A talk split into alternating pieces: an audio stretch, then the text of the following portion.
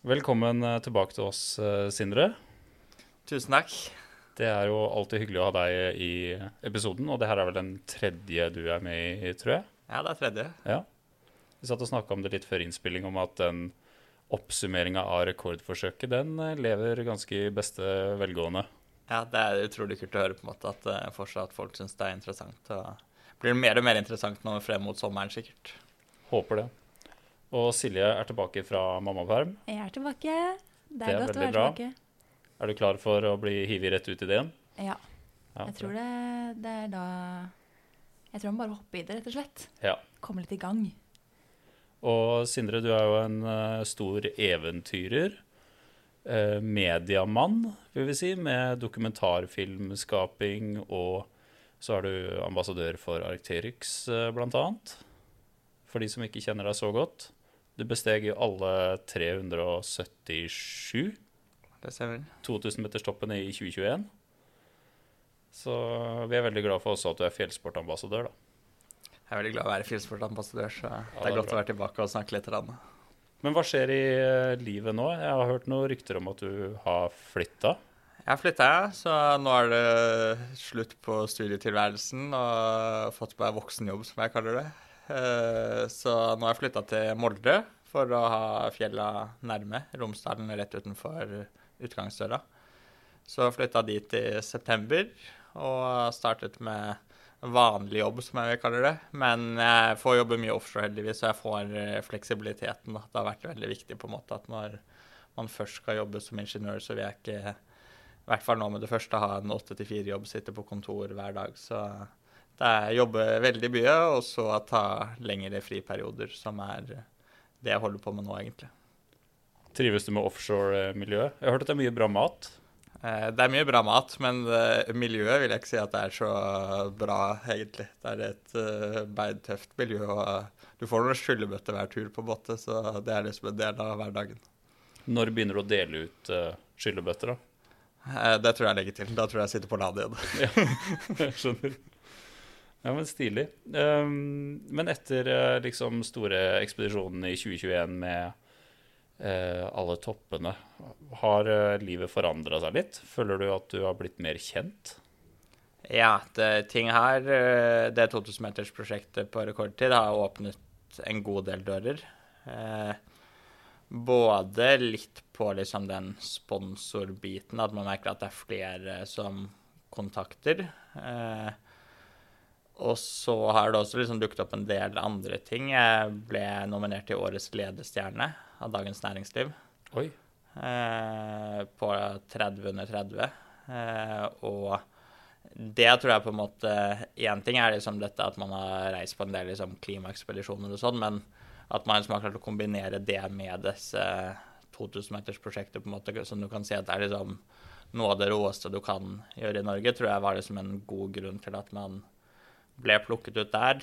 Eh, og på selve kåringen så var det to stykker som fikk liksom lov å ha et lite innlegg, og det var han som vant hele greia, og så var det meg. Ja. Eh, så jeg følte at jeg fikk veldig på en måte eh, Ble sett godt og løfta godt fram gjennom den kåringen, da. Eh, så det er liksom én ting som har dukket opp litt i kjølvannet der, som kom helt ut av det blå. Eh, og så ble jeg også tatt inn i eh, gjennom noe som heter Sikt-konferansen, som er en konferanse av kronprinsen Oh, ja. eh, for hva er det jeg sier, for ledere som er liksom viktige for Norges framtid. Så da sitter det liksom Equinor får sende én person, DNB får sende én person. Eh, og så er det noen som på en måte blir tatt inn på idrettskvote, eller hva du skal si, da. Så Ja. eh, det har åpnet en del sånn helt andre dører man aldri har sett for seg, da. Så i sum eh, så var det verdt det.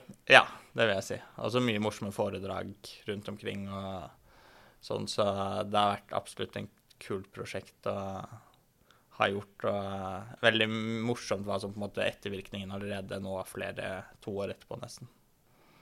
Stilig. Tror du mange eh, eventyrere lager seg litt sånn brekkstangprosjekter? Eh, Det tror jeg eh, at det er mange som gjør, og mange har nok et tro om at det som skal være Brekkstang-prosjektet, eh, og kommer til å på en måte virkelig ta det opp og frem, da, om det er Det som er typisk, er det at når du er ny og ikke har holdt på så mye, så skal du finne dette Brekstad-prosjektet ditt, eh, og siden du ikke har gjort dette så mye, så føles det ut som at det er veldig, et veldig stort skritt å eh, gå Norge på langs og gå Aconcagua og sånne ting, som ekstremt mange andre har gjort. da. Og så liksom går du inn der og tenker at det her skal være det prosjektet som virkelig åpner dører, og så er det såpass mange som gjør det, og det er vanskelig å klare å få sin vri og rett og slett skille seg ut. da. Eh, Så jeg tror det er mange som har et ønske om at dette her er det som skal bli min store tur, Eh, og det er sånn jeg hører mye og gjennom sosiale medier på en måte at jeg får meldinger med noen skal gå i en ekspedisjon og lurer på hvordan de kan lande liksom tidenes sponsoravtaler, og så eh, dette er den turen, og så må man liksom Eller jeg pleier å si at når de da skal hoppe ut i det, og de håper at et stort merkevare f.eks. skal slenge seg på, da, eh, så vil en merkevare være litt redd for hvordan eh, får de Eller de vet ikke hva de får da når de går inn i prosjektet. Eh, og derfor hender det at det som på en måte blir Brekstad-prosjektene, kommer ofte lenger ut, av inntrykket, fordi de som da vil jobbe med det eller det er interessant, de ser på at du har levert over tid mer Ja. enn én tur. Det er få som tør å ta sjansen på Kall det en uh, ung, ukjent person, da. Ja. Ja. At det blir litt sånn love gull og grønne skoger, men de vet ikke helt om det er gull og grønne skoger de får på, på andre siden, da.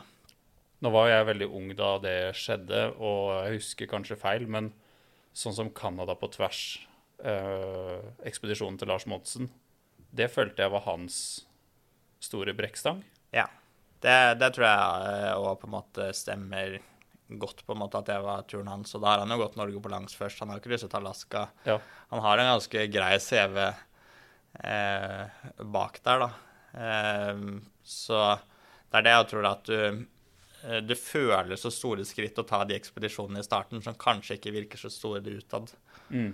Eh, og én ting var når liksom Lars Monsen holdt på og slo gjennom. Da var det mye mindre mettet marked. Ja. Eh, men nå er det så ekstremt mange og, som holder på Man ser det spesielt på liksom disse 8000-meterne nå etter han Nims på 14 Peaks reiste ned dit. Ja. Så har det jo blitt superkommersielt, og nå er det liksom vanlig for mannen i gata nesten å reise ned og plukke 3000-8000 meter på en sesong, da, hvis du har pengene. Det er sjukt. Men det er vel ingen som har gått Canada på tvers etter, etter Lars Monsen, er det? Jeg tror ikke Det er ikke som jeg har fått med, egentlig. Jeg føler jeg må se den serien minst én gang i året. Ja. Ikke, var det ikke, Vi snakka vel om den i en tidligere episode, gjorde vi ikke det? Ja, at Lars Monsen var veldig forbildet mitt da jeg var Ja. eh, yngre, på en måte. Og uh, da fulgte jeg med alt sammen og kunne bøkene på rams. Og Ja.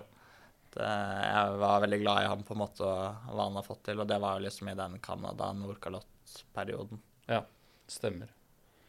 Stemmer. Um, og så i dag så er jo også hovedfokuset litt eh, den, din neste ekspedisjon, ditt neste eventyr. Mm. Har du lyst til å fortelle litt grunnleggende om den? Ja, nå reiser de i morgen, faktisk, til eh, Nepal. Så vi skal prøve å bestige et fjell som heter Amadablam. Eh, på folkemunne så blir det kalt verdens vakreste fjell. Og det ligger, for å liksom plassere det i distanse, så ligger det ca. 10 km i luftlinje fra Mount Everest. Oh, ja.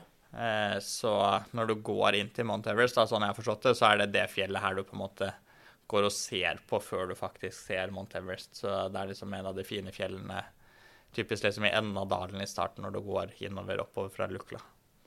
Wow. Så vi skal dit. Det er et fjell på 6800 meter. Og så vanligvis så går man jo, eller klatrer høye fjell på faste tau, eh, som på en Du kan nesten kalle det å gå via Ferrata, hvor du har eh, en jumar, og så har du en karbinkrok, og så kan du liksom klikke deg inn på disse tauene og jobber deg på tau hele veien oppover, da. Og de tauene er det ofte sherpaene som har lagt ut? Ja. Ja. De blir satt opp av de teamene som guider der. Eh, og så går du via Ferrata opp, basically, da. Og det betyr at alle vanskelige klatrepunkter, de bare drar du deg opp på dette tauet.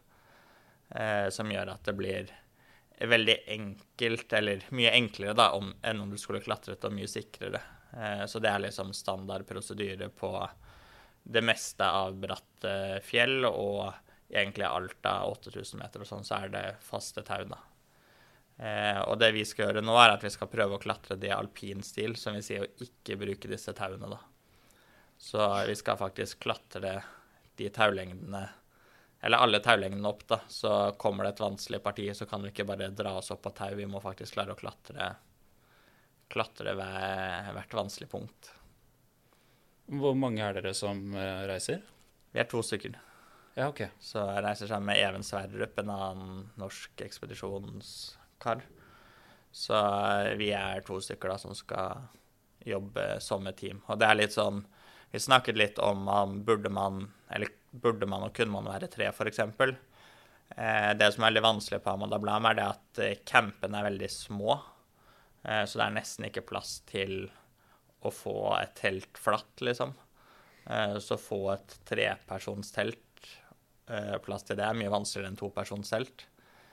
Og eh, av en eller annen grunn så er mye av de på en måte råeste teltene eh, utviklet, er mye bedre utviklet for to personer enn tre personer.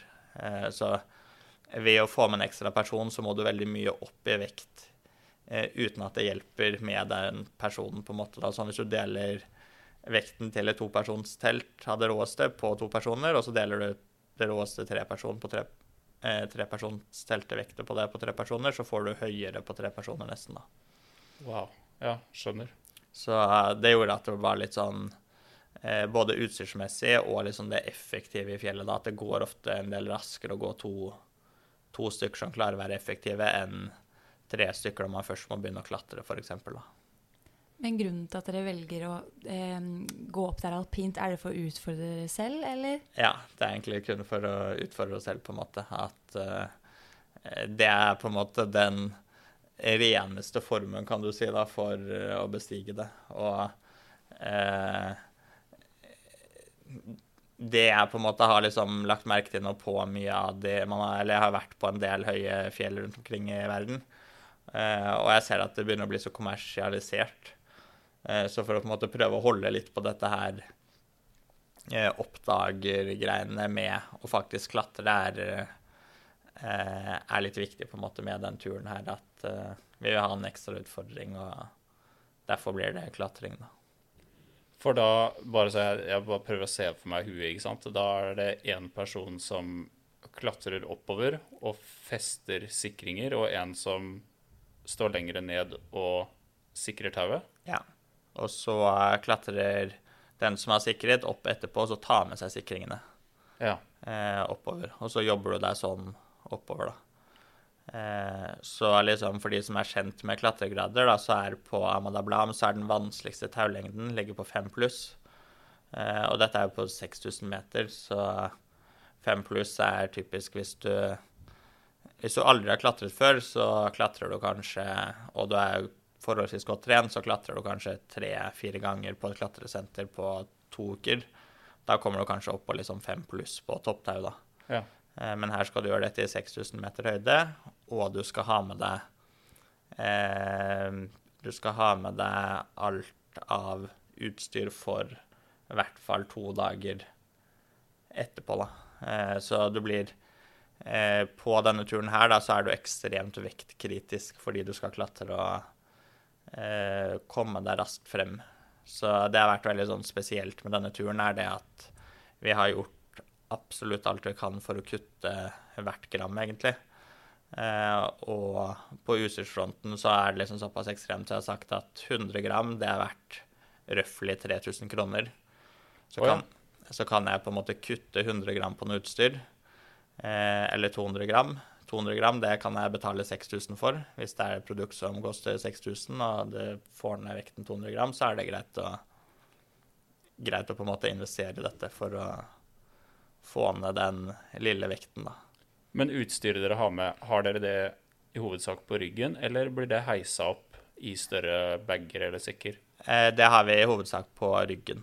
Eh, Ja. Også på en måte på de verste taulengdene. Det er én eller to, på en måte, hvor det størst sannsynlighet er snakk om å kanskje heise opp eh, utstyret, da. Ja. Stilig. Det er skikkelig sånn puristekspedisjon. Ja, så eh, det har vært veldig kult på en måte nå. Eh, nå er liksom, Jeg har hatt mye utstyr som han har brukt, eller jeg har brukt siden kanskje Mye av utstyret jeg har hatt, har jeg hatt siden 2010 til 2014, på en måte. Og så eh, har det liksom Det var det beste på den tiden, og så har jeg liksom ikke sett så mye på utstyr eh, på mye av det fram til nå, og så er det litt sånn hvordan kan man hvordan kan jeg nå kutte enda mer vekt? da? Hva er det liksom det heftigste på markedet? Hva er det nyeste på materialfronten? Eh, Hva er det som kan på en måte få marginene til litt bedre på vår kant? da? Ja. Hvordan eh, Eller hva skal dere spise? Eh, der blir det hovedsak tørrmat. Ja. Så det blir på en måte enkel real turmat og annen tørrmat, egentlig. Ja. Så er, maten er forholdsvis likt som ja, du kan si Norge på lang, sånne ting. Det er appetitten som går litt ned på høye fjell, da, så kommer nok til å spise mindre sånn sett, men prøver egentlig å spise ganske normalt. Ja. Sover man godt på en sånn tur? Egentlig ikke. Eh, høyden gjør at man sover dårlig hvis du ikke er ordentlig akklimatisert. Eh, og akklimatiseringen er liksom noe av nøkkelen på en sånn tur. For skal du gå faste tau, så er du veldig sikker. Skal du klatre, så kan du ikke være eh, surrete i hodet. For å være høydesyk er enklest forklart med for folk som aldri har vært i høyden, er som å være full, egentlig. Eh, du sjangler, eh, du klarer ikke å tenke klart, og liksom balansen er liksom det første som går. Så du, er du høydesyk, så kan du jo ikke drive og klatre og klatre vanskelig. Eh, Så en av de viktigste faktorene har vært da å skulle bli godt akklimatisert. Så nå har jeg gått til et annet veldig sånn drastisk grep, er at jeg har sovet i høydetelt. Så jeg har hatt sånn telt over senga nå i en måned, og sovet på ja, opptil 5500 eller 5007 da, eh, hjemme i senga. Men Det er jo helt sjukt. Men hvordan funker det? Altså, eh, Krabber du inn i det teltet, og så vrir om en bryter på den høyden du vil ha simulert? Ja, jeg har en maskin som egentlig bråker veldig mye. Eh, som liksom En ganske stor maskin veier 5 over 7 kilo. Eh, bråker mye. Den stiller du inn på den høyden du vil ha. Og så står den tre rom med tre dører lukket bortenfor soverommet mitt, sånn at jeg ikke hører maskinen gå inn på soverommet med liksom rør gjennom hele leiligheten. Og så går disse røra inn i et telt, og du må gjerne sette på maskinen Spesielt hvis du skal opp på liksom 5000 meter inn i teltet, eh, så er det et stort telt, så det må settes på tre timer før. da. Og så når du skal inn, så er det som å åpne så liten eh, inngang som mulig, krabbe raskt inn, og så eh, mister du på en måte ikke for mye av den tynne luften som ligger inne i teltet. da. Og så Teltet ser bare ut som et sånn plastikktelt. Eh, ja, egentlig et helt plastikktelt, gjennomsiktig plastikk, og så er det en slange inn som pumper inn eh, lufta hvor det er På havnivå så har du 20,9 oksygen. Eh, og skal du opp på 5,5, da tror jeg 5,5 tilsvarer røftlig 10% oksygen. Så det er halvparten av havnivået, da. Eh, og da tar den maskinen her bare og trekker ut oksygen og inn med mer eh, nitrogen, hvis jeg husker riktig.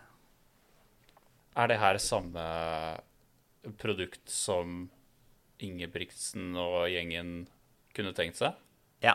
å bruke? Ja. Det stemmer. Så det er liksom veldig aktuelt. I hovedsak så er det utviklet for eh, topptu- eller topptrenings... altså toppidrettsutøvermiljøet. Og så har disse maskinene nå blitt bedre og bedre, og eh, noen av de bedre maskinene, da, da kan du Hvis du bruker maske og ikke telt, fordi maske, da får du på en måte lufta direkte inn. Eh, da kan du faktisk, med den maskinen jeg har, så kan du simulere opptil 7000 meter, da. Oi. Så eh, det begynner å bli ganske heftig på hva du klarer å simulere der, da. Så ønsket er da å prøve å kutte halvannen til to uker av akklimatiseringsfasen nå ved å sove til det teltet nå i over en måned. Og det har din ekspedisjonspartner også gjort? Ja. Ja. Men det her er helt vilt, egentlig. Sånn for oss vanlige mennesker å Ja. høre på. At noen sover sånn over senga si med et gjennomsiktig telt. Det er helt sykt. Men uh, føler du at uh, alle disse forberedelsene du gjør med å regne på hvor mye du er villig til å betale for å spare 100 gram, det teltet osv., føler du at litt av gleden med ekspedisjonen også ligger i forberedelsene? Eller tenker du på det bare som stress? Nei, det, akkurat her på en måte er det så mye Det er tilegnet seg så mye kunnskap, og det syns jeg er veldig spennende, liksom. Så eh, jeg på en måte elsker det. Og eh, når vi fikk, både jeg og Even fikk hver vår høydemaskin, liksom. Eh, og det er sånn, du må kjøpe det fra USA, og de koster 40 000-60 000 stykker. Ja. Eh, og det er veldig få som har brukt egentlig sånn. Det er veldig lite forskning, for eksempel ute på det, på hvordan dette funker i forhold til høyde.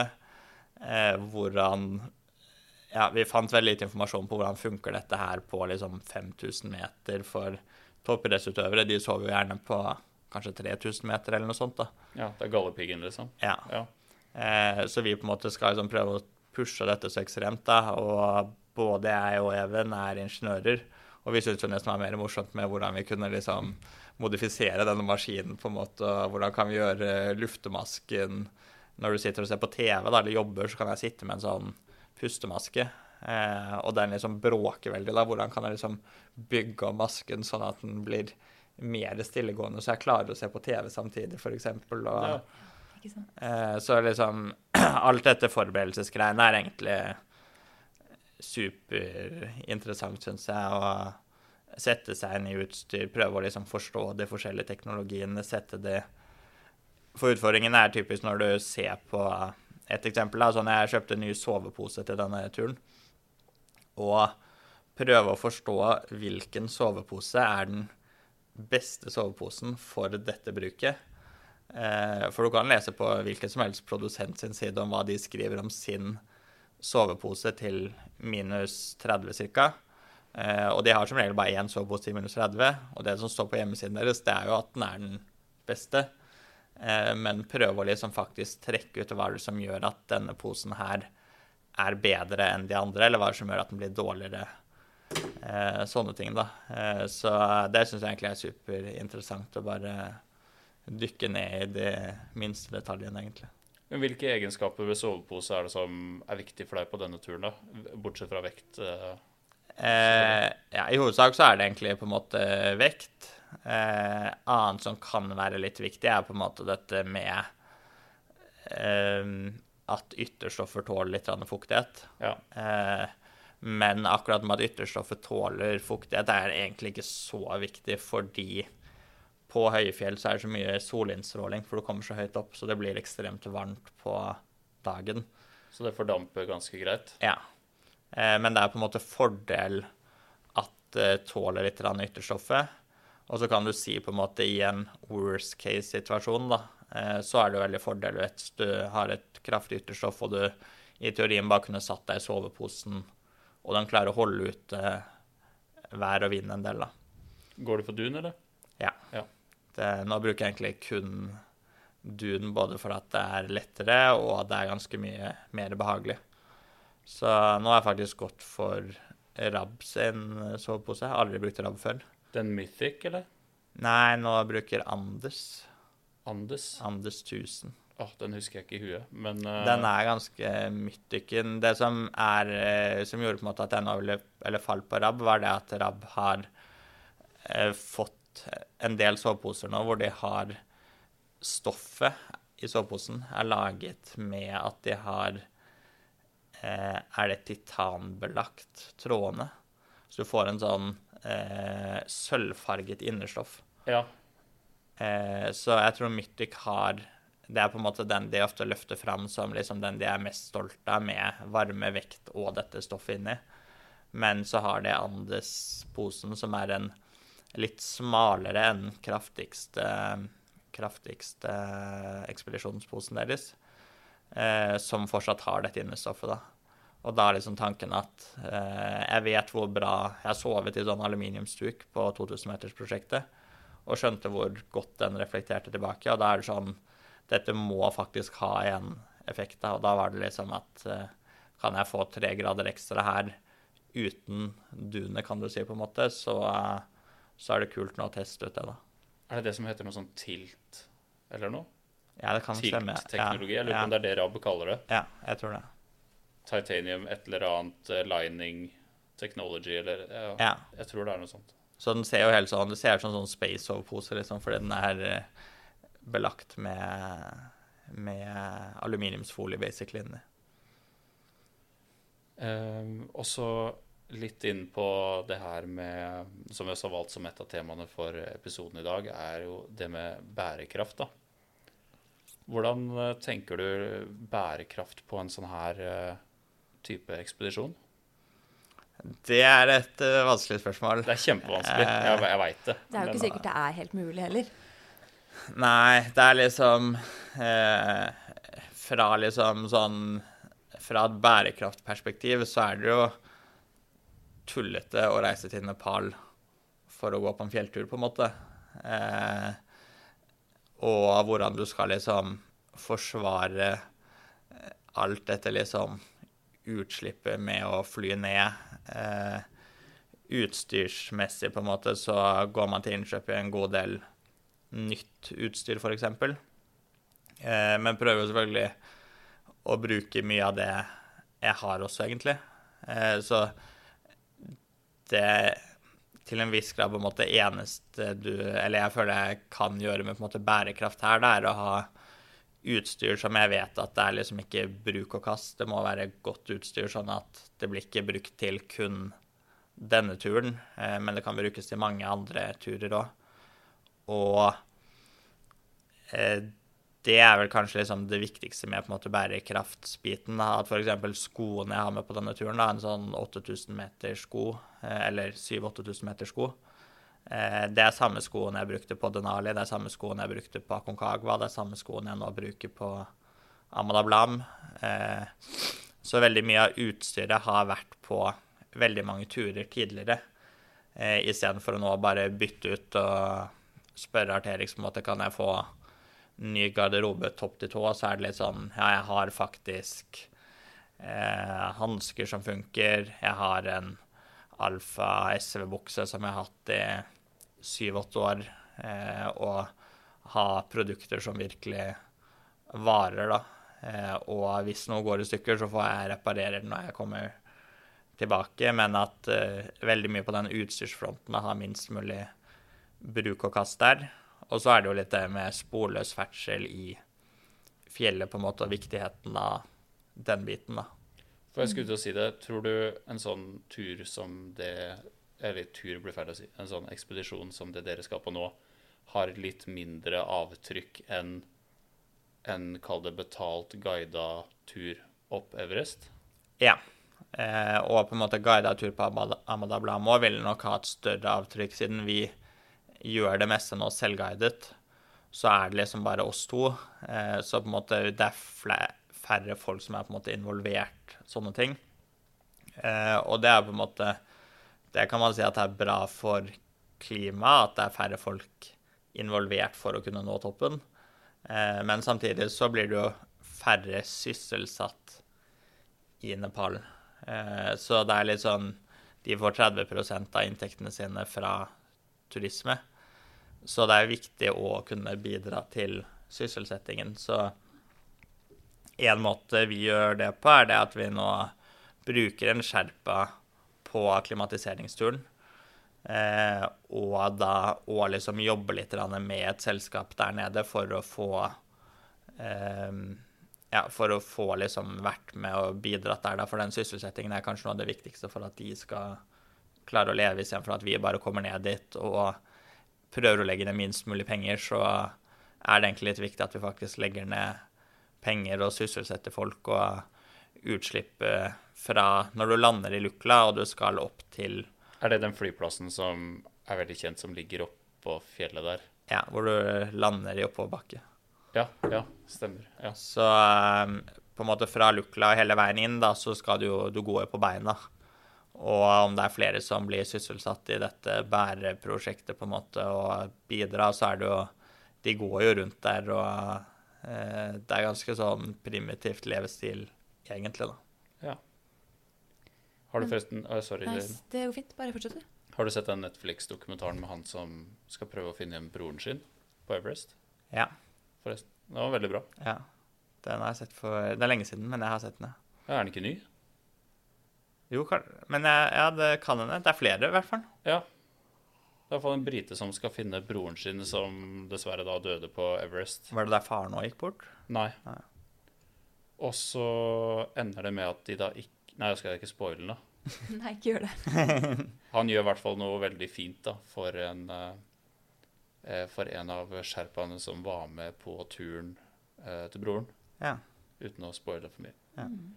Ligger på Netflix. Jeg tror den heter 'Finding Michael' eh, eller noe sånt. ja. det må sjekke ut den.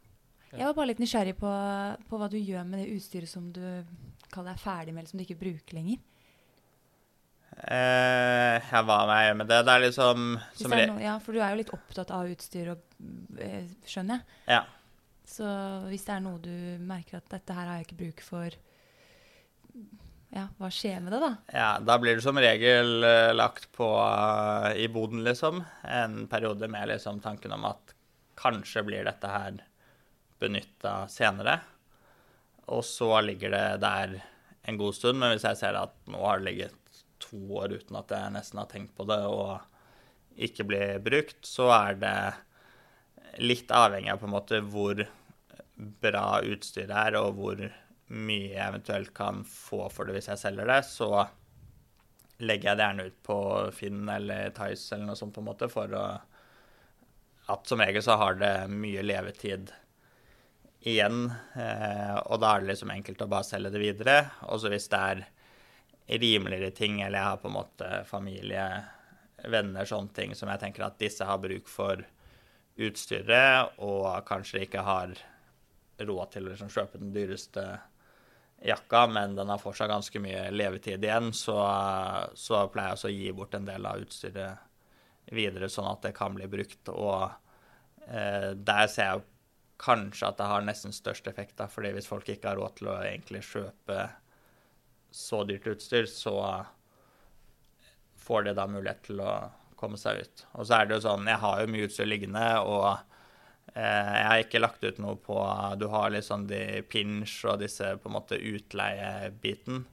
Eh, men jeg har liksom mye venner og sånn som eh, skal de på tur, så er liksom sånn Trenger du et telt, så er det bare å si ifra, liksom. Jeg, jeg kan sende deg det i posten, og dette, dette er null stress, liksom, fordi de, de ligger der og Så bra.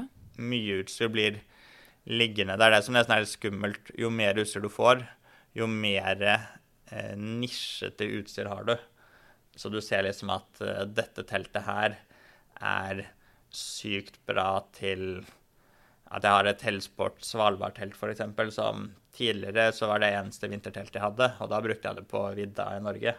Eh, nå er det litt uaktuelt å bruke på viddetur i Norge, men det er et veldig fint telt hvis jeg skal på høye fjell. Så det på en måte ligger der i tilfelle, nesten. da.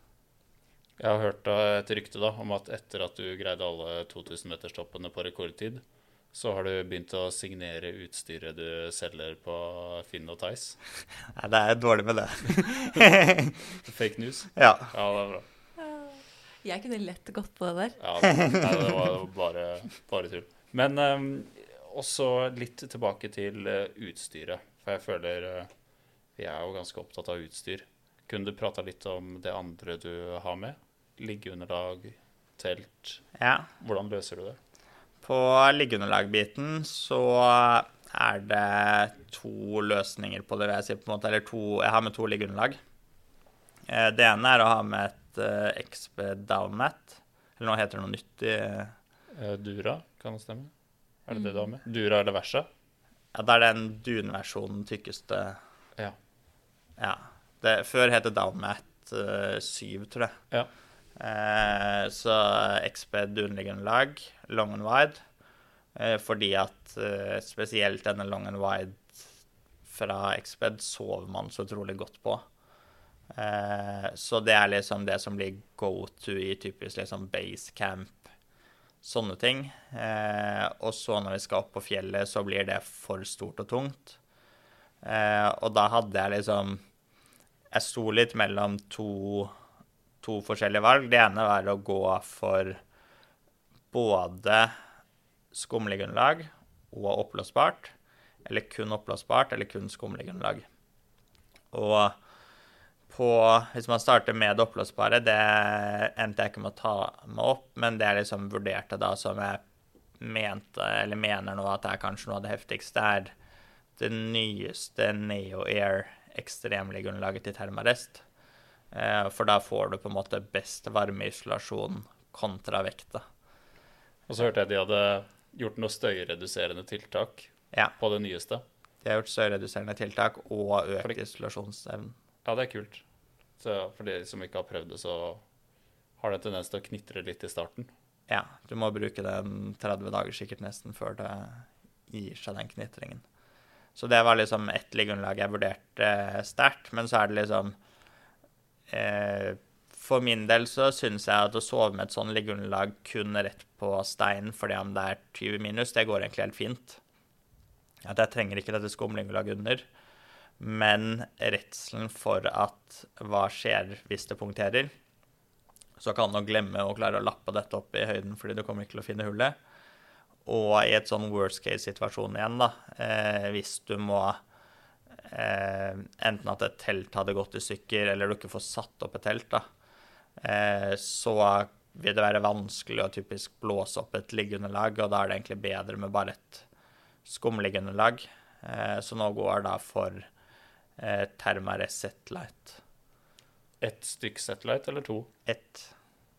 Eh, og det går mye på vekten, egentlig. At eh, isolasjonsevnen på det er ganske dårlig, med kun ett. Eh, og liggekomforten er ikke så god. Eh, men så har jeg tenkt litt sånn Jeg har med en tykk boblejakke, så jeg kan legge den under og ha den under meg på liksom overkroppdelen da, for å få det mykere og mer isolasjon. Eh, og da mener jeg at det skal liksom kunne ta unna ganske godt, da. For det er vel en 300-400 gram det Setlight-underlaget, er det ikke det? Ja. Det tror jeg ser meg litt avhengig av på en måte versjonen du Ja. gå for, men jeg tror det ligger på rundt 400. Eller 380. Spenstig. Så ja, det er liksom liggeunderlag-biten. Eh, og så når det kommer til telt, eh, så har vi med to telt, egentlig. Sånn i basecamp så har vi på en måte booket et selskap fordi de må fikse logistikk og permit uansett. Eh, så de kommer da til å fikse telt for oss i basecamp. Og da er det typisk eh, Ja, det er litt forskjellig fra operatør til operatør, men det er typisk disse høyfjellsteltene, på en måte Northface, VE25 eh, Mountain Hardware Trango, heter det vel. Ja. Eh, så det er på en måte Det er tre-fire versjoner som gjerne på en måte er go-to for disse leverandørene, som de setter opp i basecamp, og de òg bruker høyere opp på fjellet, da. Eh, men siden vi er så vektkritisk nå oppover, så har vi da gått til det ekstreme greia. Så nå har vi et, eh, to egentlig like telt, hvor bare forskjellen er i ytrematerialet. Eh, men det letteste er et sånn kuppeltelt. Eh, to stenger pluss en ekstra stang på toppen for å bare få litt høyde for lufteluker og sånn. ja. Hvor det letteste er laget i Dunema. Oi. Ja, det er jo Gramjegernes favorittmateriale. Ja. ja. Eh, og det er jo sånn Dynema, for de som ikke kjenner det, så er det Hvis du skal på en måte prøve å snakke Dynema veldig opp, da, så kan du liksom si at uh, Dynema-fiberen tåler mer eh, strekk enn stål. Og det er såpass lett at det flyter på vann. ja. Så det er liksom sånn når du skal selge en Dynema, så er det gjerne det som blir brukt som argumenter, da. Og det brukes også i veldig mye klatreutstyr. Ja. Alt er på en måte tau på klatreutstyr. Seiltau brukes det. Eh, det brukes til å more fast oljerigger, liksom, istedenfor Ja. å bruke kjetting. Eh, det på en måte er liksom blitt noe av go-to-en på at, at det ikke strekker seg, og er superkraftig, da. Og det er sånn endukstelt. Det er endukstelt, ja. Ja. Eh, og endukstelt er litt sånn Nå har jeg brukt jeg brukte Mountain Hardware sitt endukstelt på Concagua. Og utfordringen er gjerne det at de gjerne puster litt dårlig. Ja. Eh, så det blir mye kondens på innsiden. Men eh, sånn det virker som nå, på, uten at jeg har sett så mye på tallene, så skal Dynema-teltet puste ganske mye bedre. En eh, nylon, polyester eh, Ja, eller Ja. i på en måte de andre membranene som andre merker bruker. mm. Eh, så jeg prøvde liksom å sette den der pustemaskinen min inn i teltet for å se om jeg kunne bruke og sove i det teltet nå i påsken på en hyttetur, så jeg slapp å drasse med meg det store teltet. Eh, men da var det Det pustet såpass godt at uh, jeg fikk bare ned 3 prosentpoeng på oksygenmetningen, så det puster ekstremt bra, da. Eh, og så er vekten på det er topersonstelt til 980 gram. Oi. Så Det er sånn der Big Agnes-tall, ja.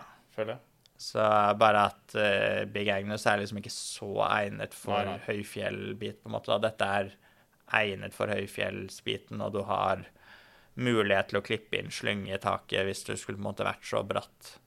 Oh, ja. uh, så du kan på en måte sove Det er lagt opp for det, da. Hvordan er uh, vanntettheten på Dynema? Er ikke det ganske greit, egentlig? Jo, det er egentlig veldig bra. Men sånn vanntettheten på en sånn tur har egentlig ikke så mye å si, fordi det kommer jo som snø. Ja, sant. Godt poeng. Så eh, da har vi med det i Dynema, og så har vi også med en lignende modell i kraftigere stoff, på en måte, da, som er mer regnet for 8000 meters topper. Men blir begge med opp? Eh, vi kommer nok til å ha med begge to opp, og så kommer det 8000 meter-teltet til å være med til de to høyeste campene, størst sannsynlighet. Og så tror jeg nok at det andre blir brukt på i camp 1, typisk. Eller Ja. camp 2, kanskje. At vi, vi setter det opp i camp 2, og så blir det andre liksom det spydspissen du får ut i høyeste campen. Hvordan plugger du teltet der oppe? Finner stein i hovedsak, på en Ja. måte. Og så har vi med litt uh, store plugger som liksom funker litt som snøplugger. Og, men det er nok mye stein og binde tau, og du bruker det du har, liksom. Og ja, du bruker det du har, rett og slett. Og vi vet ikke helt om det er stein, eller om det er grus, eller om det er snø og is, på en måte. Det kan være alt mulig, så for alt vi vet, på en måte, så kan det hende at du bruker noen isskruer noen steder, på en måte. Bruker du dundress? Er det en sånn type tur? Eh, en del bruker dundress, men vi kommer ikke til å bruke dundress. Og jeg mener nok at dundress er liksom ikke så veldig nødvendig før du kommer oppe på 8000 meter. Kan hende greit på liksom høye 7000 meters hopper.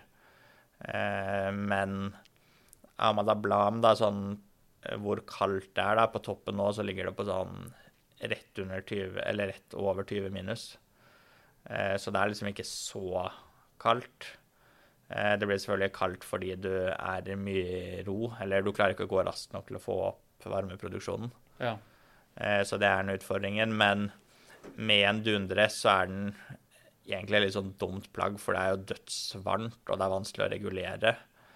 Eh, Så da på både Denali som Denali er nok forholdsvis likt som Everest i på en måte hvor kaldt det er. Eh, Men der syns jeg det Der hadde jeg ikke Jeg hadde med meg dunbukse, men jeg brukte den aldri. Så det er litt sånn Har jeg på meg Kanskje jeg har på meg en Brynje Arctic og enda en longs, da. At jeg tar en Brynje Arctic pluss en ekstra longs. Og så skallbukse. Og så skoene er forholdsvis høye, og så har du en litt god jakke som går litt ned over rumpa, så liksom er du ganske godt eh, dekka der, da. Og det jeg også har gjort på den turen her, som jeg aldri har gjort tidligere, er det at jeg har gått til innkjøp av sånne varme sokker. Elektriske? Ja, Ja, stilig. for uh, det har jeg på en måte merket på alle turene jeg har vært på, er det at gjerne når du begynner på toppstøt på natta, så er det veldig kaldt, og du får ikke varmen i beina. Ja. Så for å liksom eh, deale med dette problemet, så kan du ha sånne varmeposer. Eh, Men siden det er så lav oksygenmetning, så funker de veldig dårlig i høyden. Oh, ja. Eh, så nå tenkte jeg at nå går jeg for disse varmesokkene. Eh, bare for å ha liksom maks eh, luksus på For du trenger gjerne det bare i fram til sola står opp. For når sola begynner å varme, da får du varmen. Men på Denali, på Aconcagua, på Elbrus, liksom, så har det vært en tre-fire timer hvor du har Hvor jeg går på limit, egentlig. Og så vet jeg at nå er jeg dødskald, men jeg har vært så kald tidligere, og jeg vet at dette klarer kroppen min å deale med, da. Men eh, du merker at du er på, på limit, så bare for å da ha luksusen nå, så har jeg gått for sokker med batteripakke. Nice. Vi testa jo det litt. Vi var på tur eh, sånn vinterkompetansehevingstur Mm. eh, opp til eh, Vassduland. Da. Og da hadde vi med en del sånn Heat Experience-produkter. Ja. Og det er jo ganske kult, da. Og når eh, liksom turfølget stopper opp, så trykker man bare på en knapp på brystet, f.eks. på en av de vestene. Mm. Og så blir jo behovet litt mindre for å ta på seg den tjukke dunjakka i pauser og Mm. Eller jeg ser også for meg det bruket i skisenter, da. Ja. Når du setter deg i heisen oppover, trykker på et par knapper da, og så får liksom kjernen varm. ja. Men det virker som de har kommet litt lengre der òg, for det var jo ikke så bra før. Nei, helt enig.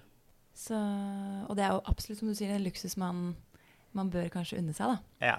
Så, så det er på en måte Det ser jeg nå veldig på eh, Egentlig, hvis det er liksom ett skikkelig luksusplagg man burde ha nesten på alle topper på en måte som er litt kaldere på Kilimanjaro, så klarer du deg uten, men det er superdigg der òg, på en måte. Fordi det går såpass sakte, og det er fort å bli kald.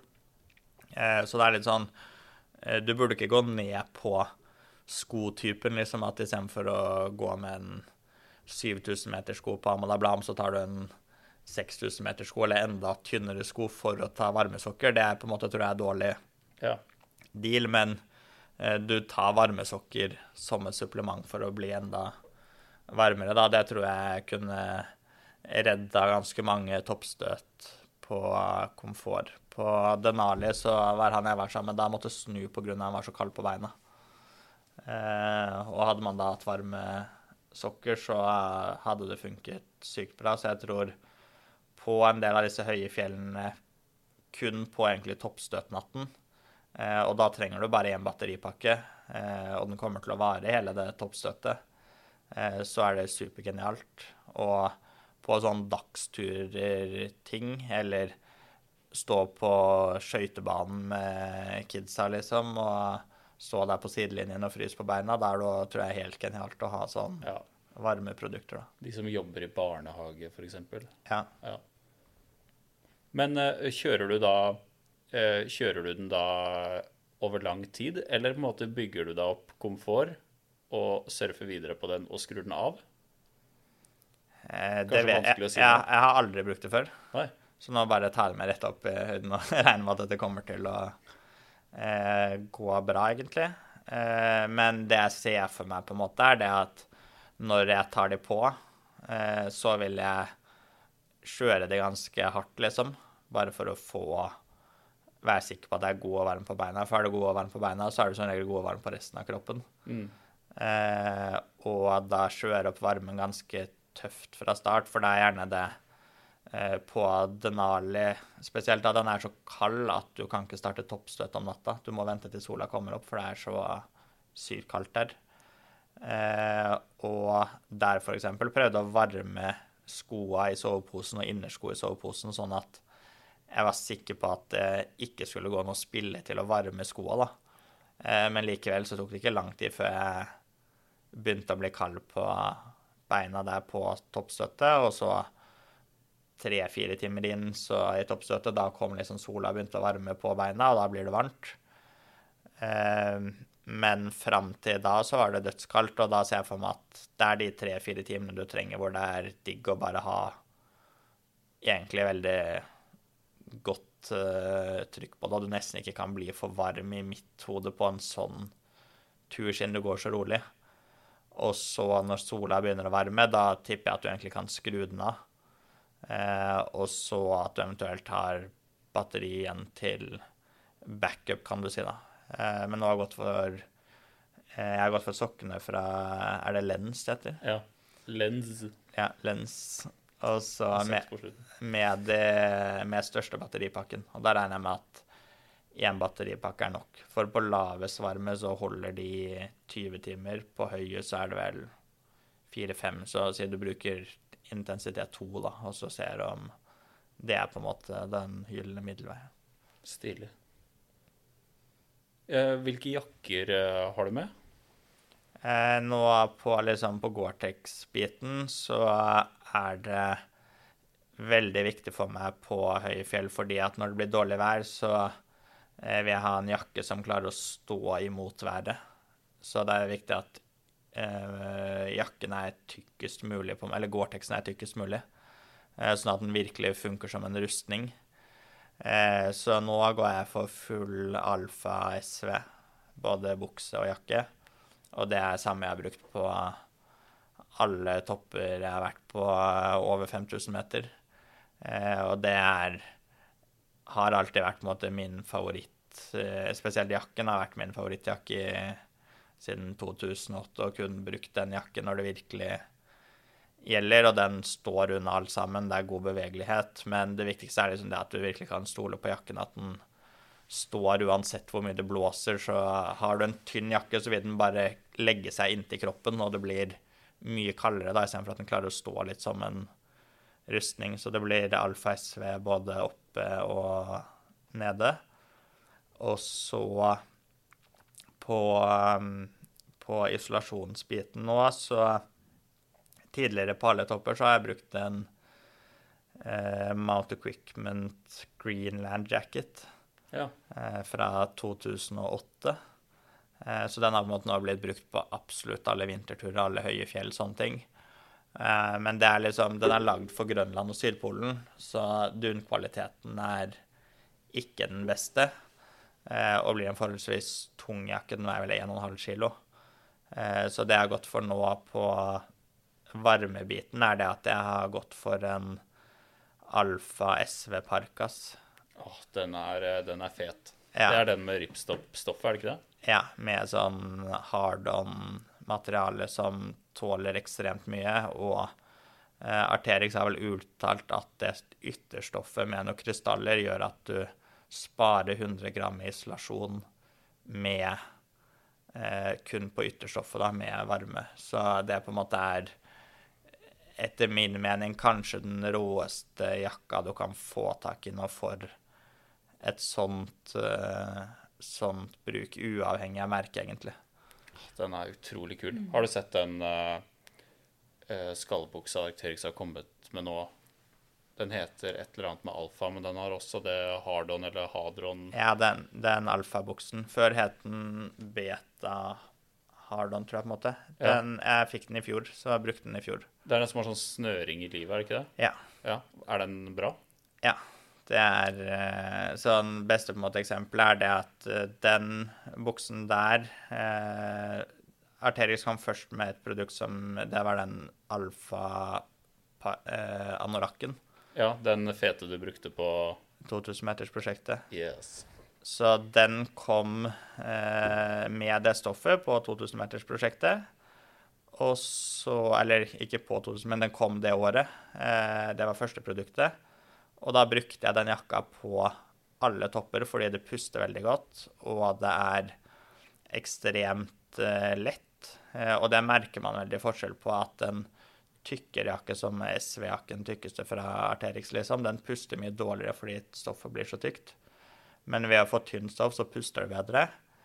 Og eh, vekten er ekstrem. Eh, De sier at det hard-on-stoffet er dobbelt så lett som tilsvarende stoffer med samme eh, materialstyrker, på en måte slitestyrke, rivstyrke, sånne ting. Eh, og eh, den anorakken da, som jeg brukte på så godt som alle 2000-metershopper, og det er eh, På 2000-metershoppene så er det så mye stein. Eh, brukte hansker som på en måte de ble slitt ut etter to dager. Eh, skoene jeg brukte, de holdt nesten bare to uker før de var slitt ned, da, fordi stein og sånn er så sykt eh, kraftig, og det er så mye sånn svart mose som tar det. Men den eh, anorakken i det stoffet, da, den ser så godt som helt ny ut fortsatt. At det er akkurat i eh, kanten mot liksom eh, hånda, der hvor du på en måte virkelig tar i alt av stein, da. Eh, der er det et par steder på en måte hvor den er Du ser at den er helt slitt, men alt av resten av jakken på en måte ser helt eh, ubrukt ut, nesten. Det er så gromt. Jeg, jeg blir nesten rørt jeg, av å høre. Det er, det er så kult. Ja, men den buksa, den, eh, den oppdaga jeg her om dagen. Ja. Du hadde kanskje en prototype da, eller? Eh, nei, det ble lansert i fjor, bare med et annet navn. Ah, okay. Så, Ja, okay. så jeg har Og brukte den i fjor, på en måte. Eh, men da fikk jeg ikke brukt den så hardt, da. Men ja, den er dobbelt så lett som tidligere modeller, og enda mer slitesterk, så akkurat der, eh, med det stoffet For det er Arterix som har utviklet ytterstoffet. Eh, og sånn Hvordan de har gjort det, er at de har fått inn noen krystaller i trådene når det veves sammen, så det blir superslitesterkt. Eh, så nå får du nok ingen andre merkevarer, som jeg vet om hvert fall, som klarer å matche på hvor lett det er å slite sterkt på ytterstoffet, for det er Arterix som har utviklet. Blir du lett uh, influensa, eller? Uh, ja, jeg var egentlig influensa før, jeg- før jeg gikk inn i studio her, jeg. Men uh, jeg satt og tenkte nå bare sånn Har de noen gang lagd noe som var dårlig? Og så tenker jeg svaret på det er nei. Mm. Det er flinke folk, altså. Ja, det lager mye bra, og det er på en måte um, det, det var sånn Jeg fikk, var heldig og fikk besøke Gore-Tex-hovedfabrikken, eller hovedkontoret i München, for noen år siden. Og sett, vært der i tre dager. Og gått gjennom alt hvordan de tester utstyr, sånne ting på Gore-Tex. Og eh, kort oppsummert det jeg satt igjen med der, var at eh, jeg skjønner godt hvorfor Gore-Tex er en del dyrere enn andre membraner. Eh, og det er med god grunn at man at det er verdt å betale det, på en måte, fordi de er så ekstremt gjennomtesta med absolutt alt av produkter og kvalitetskontroll for å få lov å produsere en Gore-Tex-jakke, er utrolig viktig. Og det også på en måte Gore-Tex sier, er at eh, Arterix, eller det de sa der, var at Arterix var nok den viktigste samarbeidspartneren for de. Eh, så de fikk lage veldig mange eh, Når Arterix og Gore-Tex går sammen for å lage et nytt stoff, eh, så jobber de ekstremt tett da, sammenlignet med andre merkevarer. Eh, så Arterix har ofte vært noen av de første som får tatt i bruk de nyeste Gore-Tex-membranene, og det gjør at når de lager et nytt stoff som det hard-on-stoffet, på en måte, så får de, det, de får Gore-Tex med på det. og Når eh, Arterix sier at dette mener vi funker, dette har vi testa, så er Gore-Tex enig på en måte fort, liksom at eh, det er en veldig kort vei mellom det samarbeidet der, da. Mm.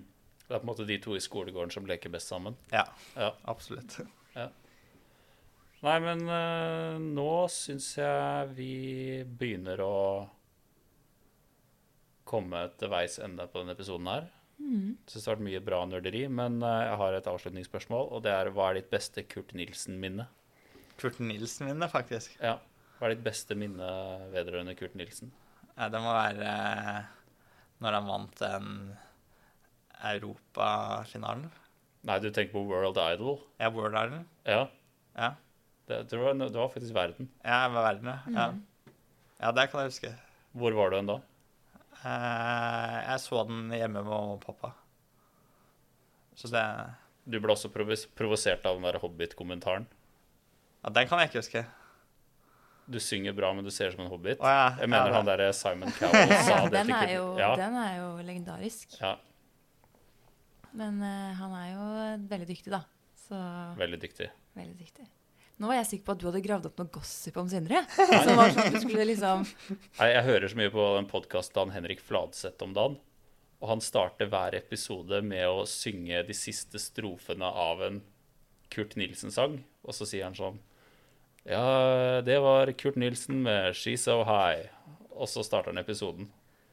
Oh, ja. Så jeg har bare, jeg har bare blitt inspirert av det. Så jeg har mye, mye gleder- Kurt Nilsen på huet om dagen. Jeg gleder meg til neste podkast hvor du skal starte å synge litt. eh, Kurt She's so high. Ja. I den tonen er høy. Jeg tror ikke vi, jeg tror ikke vi skal det. Nei, nei jeg, jeg, jeg tror vi dropper det. Det hadde vært litt gøy, da. Men uh, vi håper uh, også sånn som sist uh, at du kommer tilbake og kjører en slags oppsummering. For det skal er veldig gøy, da. Å få litt eh, Det tror jeg tråd. dere lyttere hadde satt pris på òg. Mm, Det får vi til. så bra. Har du forresten sett YouTube-kanalen vår? Ja. Liker du den? Ja, veldig bra. Så jeg jeg syns det er rått hva dere har fått til der, og hva skal jeg si, hvor mye tips og videoer dere klarer å pushe ut. og kva- kvaliteten på det, liksom. At eh, ja, det er rått at dere har satsa såpass hardt på YouTube, så det er kult. Ja, det er bra. Jeg måtte bare få litt godt å eh, høre. Anerkjennelse her, siden du også er sånn mediefilmmann. Ja. Ja. Det skal du få. Eller det har du fått. Ja, ikke jeg, da, men vi. vi, Ja. vi. Ja. Veldig bra. Da tror jeg vi runder av.